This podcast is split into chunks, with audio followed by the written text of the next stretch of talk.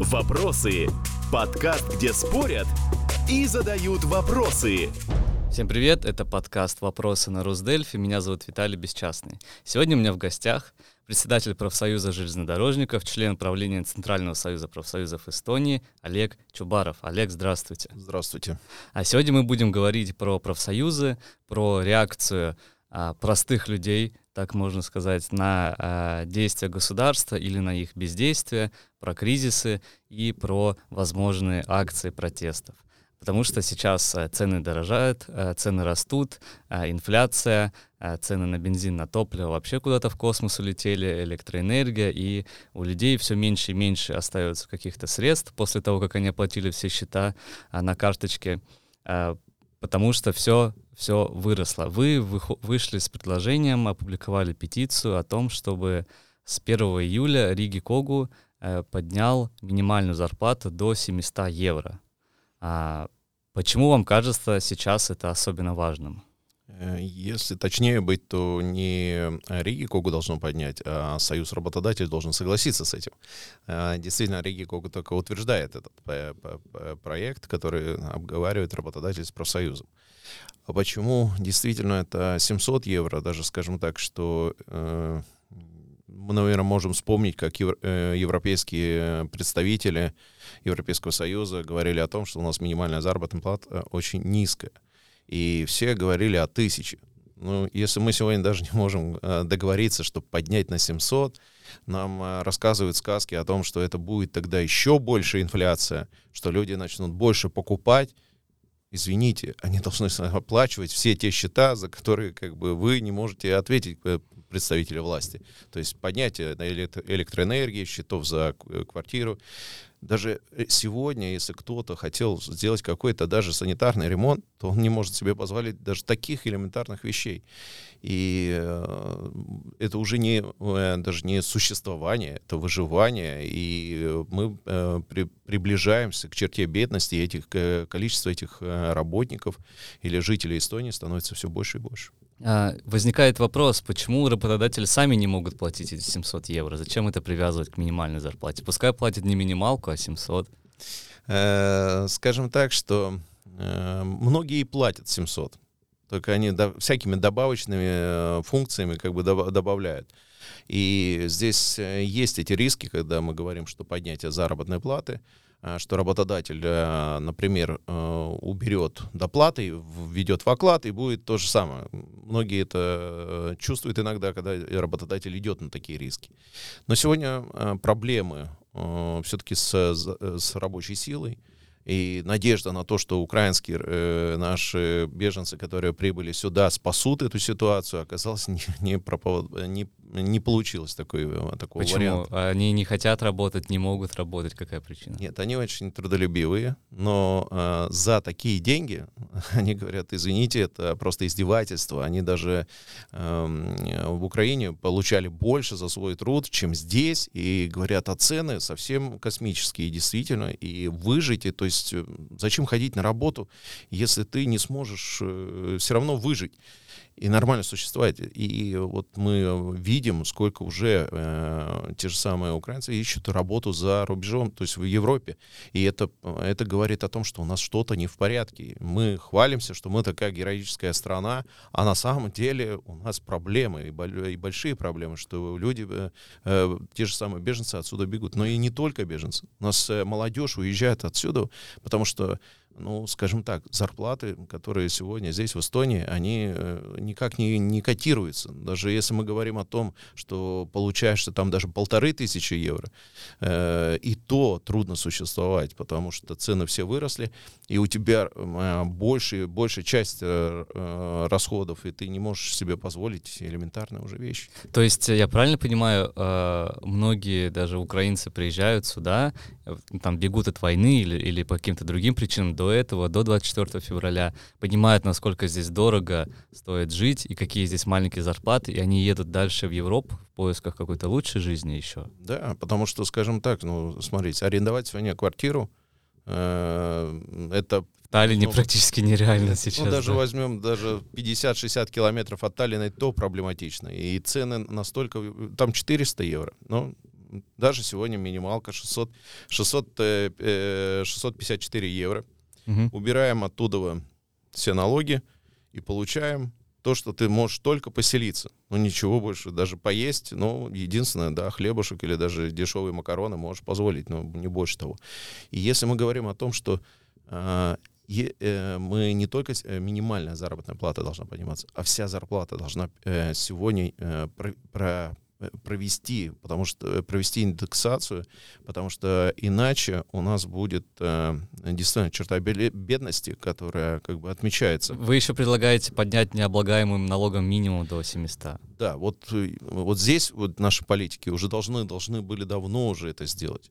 Ну, Это вроде бы легче, чем э, понять минималку. хотя бы. Э, ну, э, говорят о тех космических э, как бы миллионах, которые на самом деле э, уже подсчитали. И, кстати, вот эта петиция, которая как бы пошла, сегодня уже, уже на столе в министерстве лежит этот законопроект. То есть они прислушиваются, не, ну, боятся все-таки, что какие-то будут возможные акции. И поэтому здесь то, что им повезло, что у нас в Эстонии люди довольно-таки лояльные, говорят только на кухне, э, возмущаются в компаниях, но никак не, не выходят, не хотят выйти на улицу, чтобы показать, что они недовольны. Поэтому мы эту петицию и создали, чтобы показать. Окей, хорошо. Про э, акции протестов мы еще чуть-чуть попозже поговорим. А, у меня такой вопрос. А, как, по вашему мнению, государство должно реагировать на инфляцию, на а, рост цен на энергоносители, топливо и тому подобное? Ну, сначала мы спросим, кто за этим стоит. Это же те же самые политики, которые приняли такое решение, что вывести э, предприятие на биржу. И мы имеем сегодня вот этот рост, безумный рост цен. То же самое, если мы говорим про топливные фирмы. Опять же, в свое время все это отдали в частные, э, в частные руки, и сегодня никто ничего не может регулировать. То есть как, как вообще... Мы зависим от биржи, да, нор- норвежской, по-моему. Да, все это у нас э, от кого-то зависит, и мы, по- понимаем, должны как-то как существовать. И вот здесь э, политики должны все-таки понять, что а, и их ответственность мы выбрали для того, чтобы создать жизнь э, в Эстонии нормальную, где ты хочешь действительно, чтобы у тебя э, рождались дети, которые здесь бы воспитывались, росли и оставались здесь. Они уезжали за, в Европу за лучшими э, результатами, чтобы за твой труд платили больше. У нас много говорят политики о том, что вот э, э, эффективность должна быть, и, и многие ссылаются на то, что на война, там другие проблемы. Но все это решаемо. А сегодня мы видим, как, как создаются направления, чтобы у нас этот рост потребительский э, рост не остановился, а наоборот, он только рос. Что вы имеете в виду? Ну, скажем так, эм, кто стоит за всеми санкциями? Э, э, на Европе- что? На, ну, Европейский да, Союз, Европейская Европейский комиссия. Союз, да. И вопрос в том, что э, если мы принимаем какое-то решение, мы должны понять, что какая компенсация будет народу от этого. То есть, если мы хотим что-то сделать, ну, э, отместку э, там, России за то, что они начали там войну, мы должны понять, насколько нам будет плохо. Э, это не только, что им, им будет плохо, это нам хорошо, но нам тоже плохо. Так надо найти решение, как сделать так, чтобы не страдал свой народ. А у нас сегодня политики за- об этом не думают. Ну, многие говорят, что а, мы не должны спонсировать войну, и поэтому нам нужно немножко пострадать самим тоже. Ну, ну, как-то вот страдание получается только одно, э, однобоким. То есть весь народ должен пострадать, а 101 и плюс все, э, все министерства и все чиновники почему-то не должны страдать. Они поднимают себе заработную плату, это не, не 10%, и не, то есть, и не, то есть не, э, не 100 евро, а тысячи. И э, эта тысяча, э, в принципе, для налогоплательщика может быть поднятие их заработной платы сегодня привела к такой инфляции, потому что мы не можем позволить себе ничего купить, они могут. Они говорят о том, что э, инфляция растет из-за того, что много покупают. Так вот, кто покупает. И, Думаете, все члены Риги Когу? Ну, получается, ну, ну, а кто может еще купить? Сегодня, ну, конечно, есть часть населения, которая может это себе позволить которые вот оплачивают дома, построили умные дома, и у них счета за тысячу евро заваливают, и они не знают, как покрыть эти расходы. Им тоже тяжело, я понимаю. Но а простому человеку, простому рабочему, который получает минимальную заработную плату, отдает все налоги государству, и в итоге он получает себе же удар в спину за то, что, что он такой лояльный. Вот здесь как раз и получается эта несправедливость, и мы э, тоже э, э, говорим о том, что мы хотим мирно э, договариваться, спокойно сесть за стол переговоров. Так они даже это не способны сделать. Ну, вы встречались э, с депутатами, с министрами?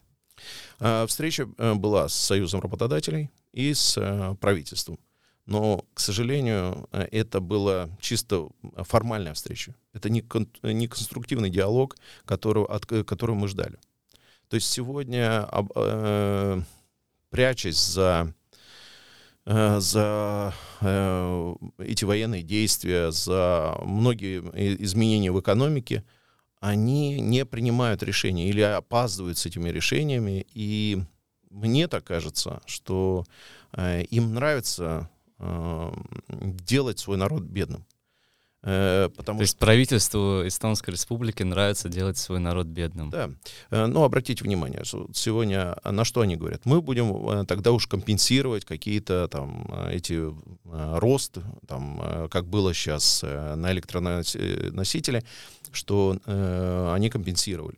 Но сколько народу пришлось, как себя вести, чтобы, чтобы прийти и действительно получить это. То есть Почему-то они хотят, чтобы все время чувствовал себя бедным.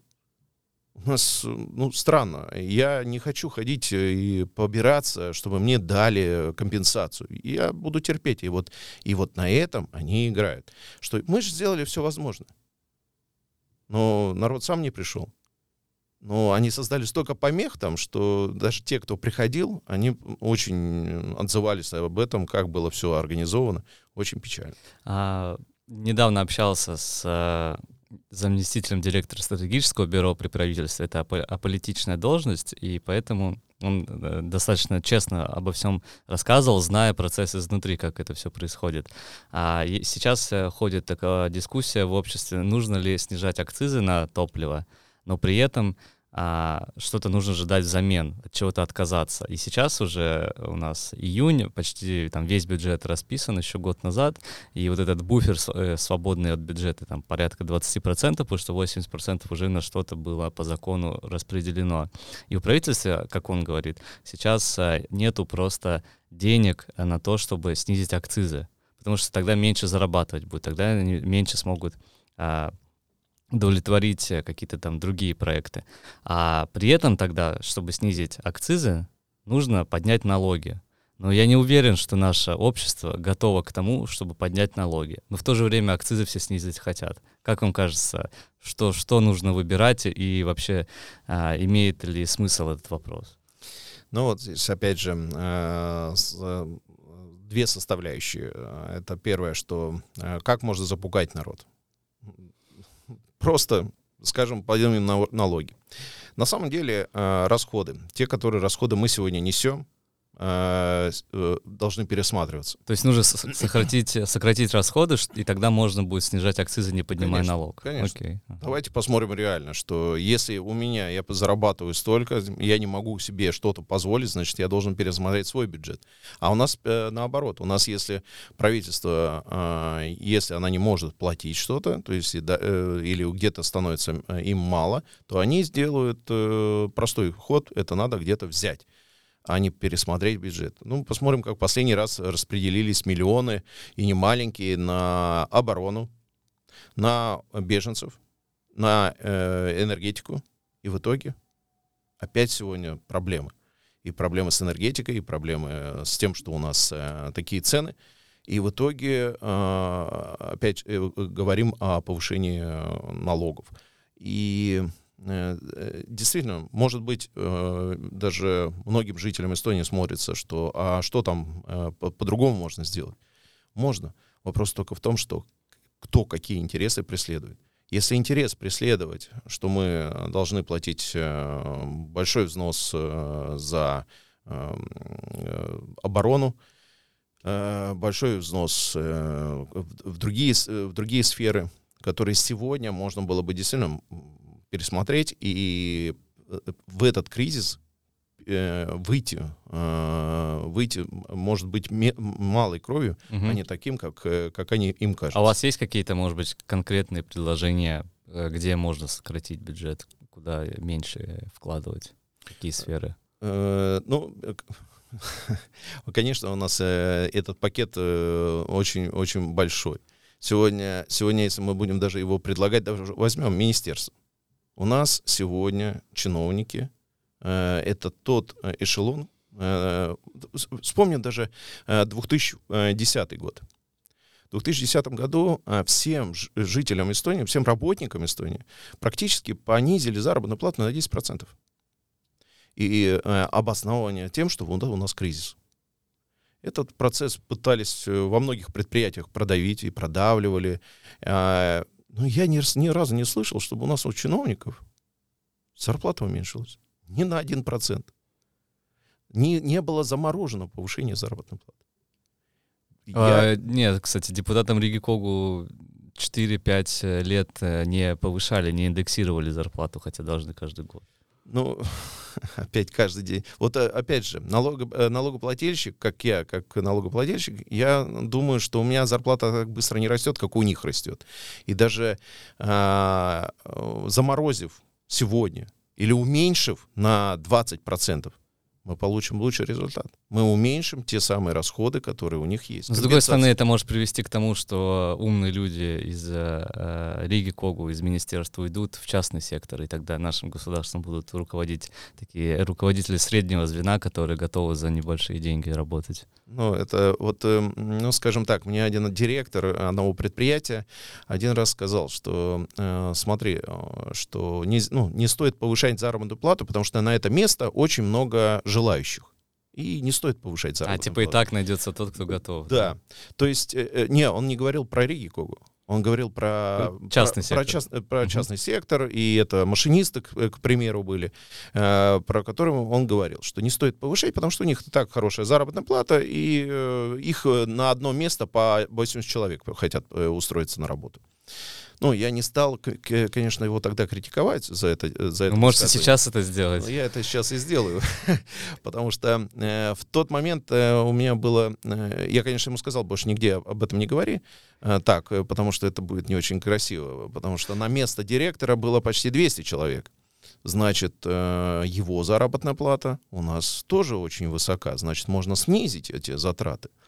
Это, э, и мы, если мы говорим о том, что это временное, то есть мы вкладываем, на, народ весь Эстонии делает свой, свой взнос в этот, что у него не растет зарплата, зарплата будут, э, будут проблемы, он не может платить, а наша почему-то э, сторона, которая эти решения принимает, ну, как-то остается в стороне и смотрит свысока, как они там будут выживать. Ну, как-то э, вот э, мне нравится японская система, где первым, кто начинает э, вкладывать в то, чтобы на предприятие, к примеру, если берем предприятие, а, первым, кто вкладывает в это, это сам руководитель. Он снижает себе заработную плату, чтобы не сокращать, чтобы не э, предвелечь свое предприятие как бы к какому-то краху. А у нас наоборот. У нас так, кстати, в стартапах делают. В стартапе главный ну, руководитель может зарабатывать намного меньше, чем программисты или какие-то другие специалисты, э, просто для того, чтобы стартап а, ну, как бы процветал, и у него были лишние деньги, которых и так мало. Э, Да, вот эти системы э, заработной платы потому, почему-то очень так просматриваются. То есть, опять же, если мы говорим о повышении минимальной заработной платы и необлагаемость налога, что, куда будут эти деньги идти? Этот э, человек, который получает минимальную заработную плату, он не будет покупать себе красную икру и э, ездить на Бентли или там на Порше. И он, он будет эти же деньги к- тратить на те же самые произво- э, э, на то же самое питание, э, элементарные услуги, которые здесь же в Эстонии. И он платит все равно дополнительные налоги. И, и говорить о том, что у нас э, э, э, можно еще поднять налоги, конечно, все можно.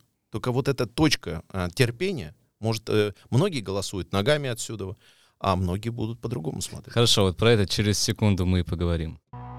Вопросы. Подкаст, где спорят и задают вопросы. А когда я готовился, просмотрел ваши некоторые интервью, и вы достаточно так жестко и оптимистично а, говорили про протесты, что если дойдет к какой-то черты, то вы будете готовы организовать э, митинги и э, вывести людей на улицу, которые против э, повышения цен и бездействия в ответ на это правительства.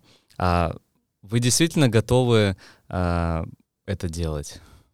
Ну, во-первых, мы все хотим сделать для того, чтобы этого не надо было бы делать. Но я вспоминаю одного э, политика, э, когда я его напрямую спросил, э, вот э, Юрген Лиги, э, скажите, пожалуйста, сколько надо привести людей, чтобы вы э, отменили свое решение? И он не смог мне ответить. То есть я понял так, что сколько бы ты ни привел, э, они будут все равно свое делать. А это говорит о том, что они не хотят конструктивно разговаривать.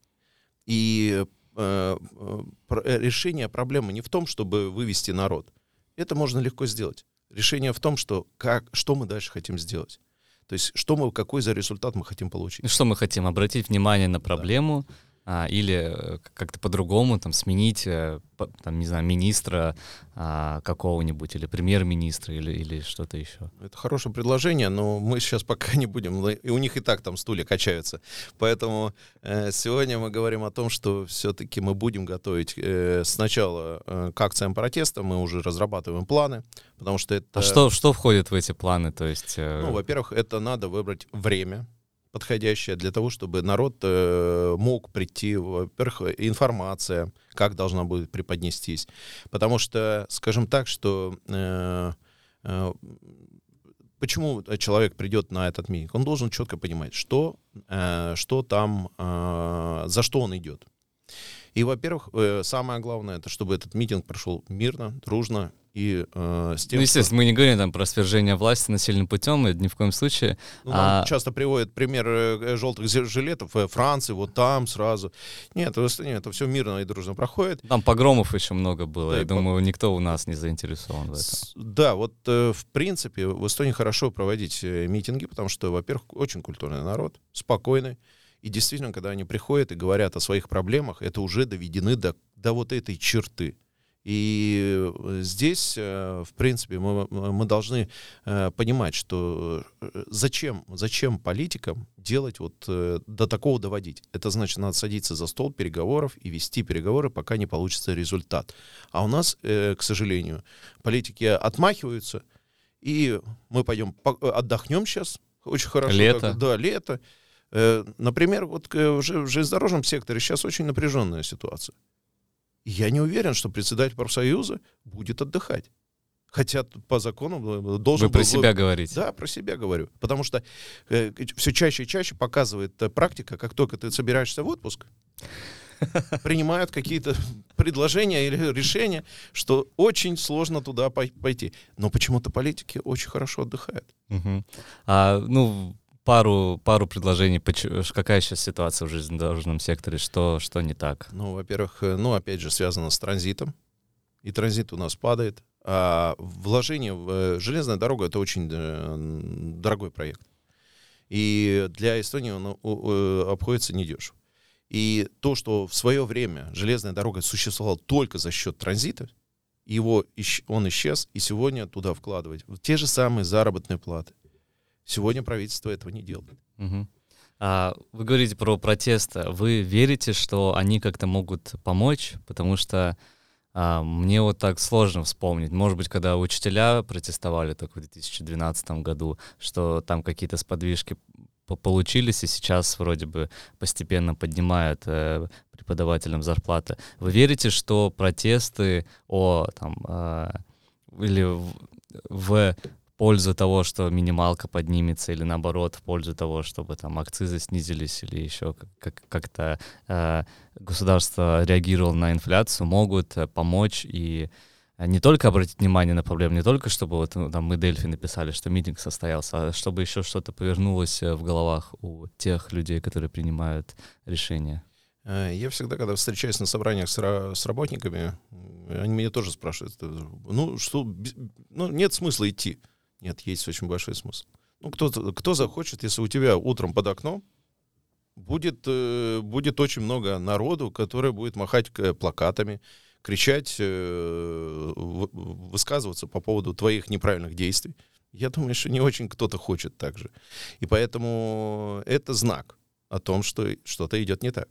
И я вспоминаю одну ситуацию, когда мы пришли э, к одному опять политику в Риге Когу, передавали петицию в свое время, это было уже давно, и она говорит, как хорошо бы построить вот перед том, э, э, там, где площадка, где мы собираемся, профсоюзы собирают свои митинги, э, там, например, э, фонтаны, чтобы вам, ну, чтобы вам не было бы где собираться. В принципе, нам без разницы, где собираться. Мы можем собраться и на Вабаду Савиаляк или даже э, в других местах. Мы говорим об одном, что проблема существует. Вы как хотите можете отгораживаться от народа, залезть на самую высокую гору, но народ все равно скажет свое слово. А вы чувствуете, вы наверняка с э, большим количеством работяг, не побоюсь этого слова, э, общаетесь, вы чувствуете, что у них есть вот это вот негодование по поводу того, что сейчас происходит? Ну, первое негодование было, когда э, в октябре, в ноябре получили счета за октябрь. И уже в тот момент можно было бы организовать э, такой митинг, что не показалось бы мало. Но, э, скажем так, все надеялись на то, что правительство примет какие-то решения, которые будут э, уладить этот вопрос. Ну, практика показала, э, что все-таки проблема существует, и решения очень слабые. И надо по-другому уже говорить. А сейчас? Э, ну, то есть сейчас же и инфляция выше стала, и Опять же, счета еще больше мы платим. Опять же, ну вот мы, мой, мой жизненный опыт и, и опыт работы в, в организации, в профсоюзе показывает то, что когда вовремя надо это сорганизовать. Потому что это, ну, если мы будем организовывать летом, во-первых, там политиков нету, они все отдыхают спокойно э, на, на, на море. А э, народ, во-первых, э, тоже не, много кто отдыхает. И зачем портить всем праздник? Как бы, mm-hmm. То есть идеальное время — это осень? И осень это будет э, не то, что идеально, она будет для политиков очень так сложным, потому что, во-первых, цены не перестают расти. Второе, они наотдыхаются, и решения у них все равно не будет. Они забудут за то, что, что, что у них тут происходит, потому что большинство из этих политиков уезжает из, из Эстонии отдыхать. И поэтому э, сегодня мы видим, что самое, э, самое не то, что подходящее, это нехорошее слово. А, мы, мы знаем, что э, когда человека э, пригласить на мероприятие, и он сам уже со всех этих сторон как бы под, под, подталкивается туда, тогда это, конечно, самый удобный случай. Ну, это же, я к тому и спрашиваю, что важно же все-таки количество, и важно, чтобы их людей было как можно больше. Это же нужно, чтобы, во-первых, у них желание было прийти, что насильно не получится туда согнать людей, а во-вторых, чтобы они еще узнали как бы об этом, что это происходит, чтобы у них было время, чтобы до них дошла эта информация, что там о месте, о, о дате, когда и за что вообще мы бастуем. Да, ну, э, в принципе, вот э, слово забастовка это, это уже совсем крайняя мера. И, э, к сожалению, политики же уже от этого отгородились. То есть они создали же законопроект, где политические забастовки запрещены у нас в Эстонии. Политические. Политические, да. Если мы хотим протестовать, э, то есть проводить забастовку там, против повышения цен, то мы не можем этого сделать. Угу. К сожалению, у нас такое демократическое общество.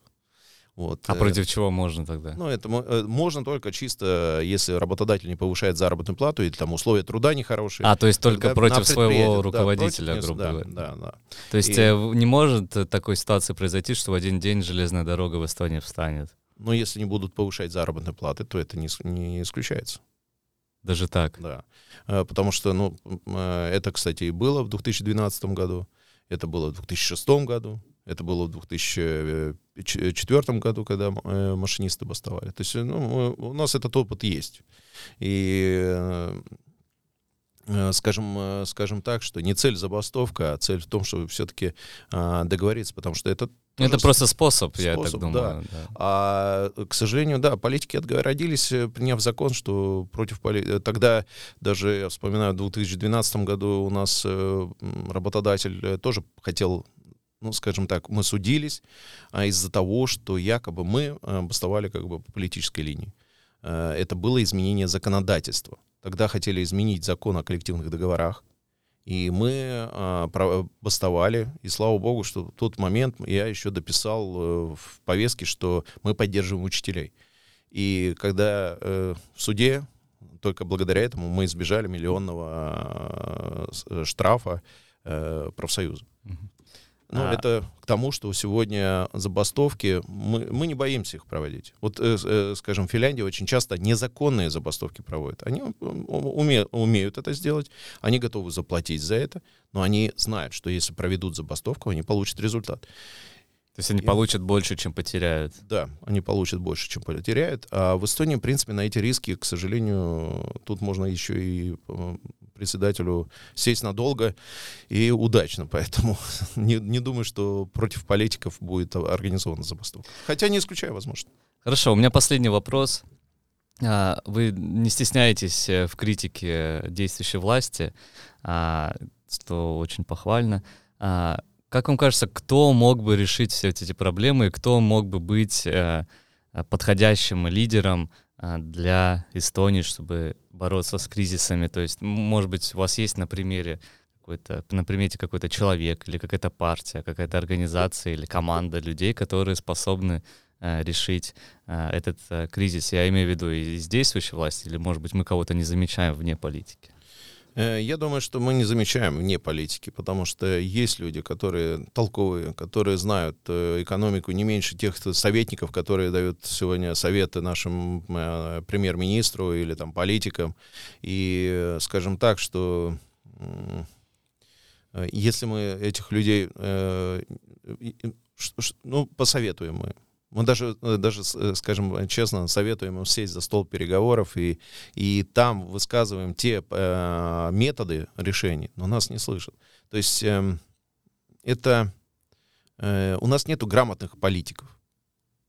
Э, я вспоминаю двух, э, 2007 э, год, э, вспоминаю 2000, когда вот кризисы были и э, как, как, как, как принимались решения. А сегодня э, они не изменились. Они продавливаются, эти свои решения, и им все равно, что... И если мы берем э, э, те времена, которые у нас э, до того было, там. Э, до 2007 года было более, э, менее спокойно. И люди у нас жили спокойно, мирно, э, не было конфликта на национальной почве. Сегодня посмотреть, что происходит. И, и вот э, этот, этот кризис только э, больше вводит в этот, э, потому что эм, здесь, опять же, кто получает минимальную заработную плату? Как, на каких условиях? То есть тут очень много таких аспектов. У вас есть какие-то имена или но я не, э, знаете, этот список очень довольно-таки большой. Если их, их всех перечислять, я не уверен, я не получил еще от них э, разрешения, чтобы я их имена оглашал. Вот, это раз. А второе, что я думаю, что если э, хоть один политик захотел бы, э, захотел бы все-таки сесть и услышать и э, встретиться с этим э, человеком, потому что ничего уже э, больного не произойдет. Если ты встретился, выслушал, может быть стыдно, конечно, получить э, э, какое-то э, решение и его осуществить еще. Это, ну, понимаю, это очень больно и неприятно. Ну а почему же эти люди сами не идут в политику? У нас вроде бы можно баллотироваться, кто хочешь, может. Ну, баллотироваться это еще один, один момент. Второе дело, что люди должны голосовать за тебя. И второе, второе, что сегодня если ты хочешь помочь, э, но тебя, ты можешь записаться к этим депутатам, но встреча будет очень длительно, особенно сейчас они вот в отпуска пойдут, попробуйте встретиться. И поэтому, э, если ну, моя практика говорит о том, что ну, просто не хотят э, встречаться и слышать, и, и принимать твои предложения, которые могли бы спасти ситуацию. Отлично, Олег, э, спасибо вам большое, что пришли к нам в подкаст. Напоминаю, его можно прослушать на всех платформах.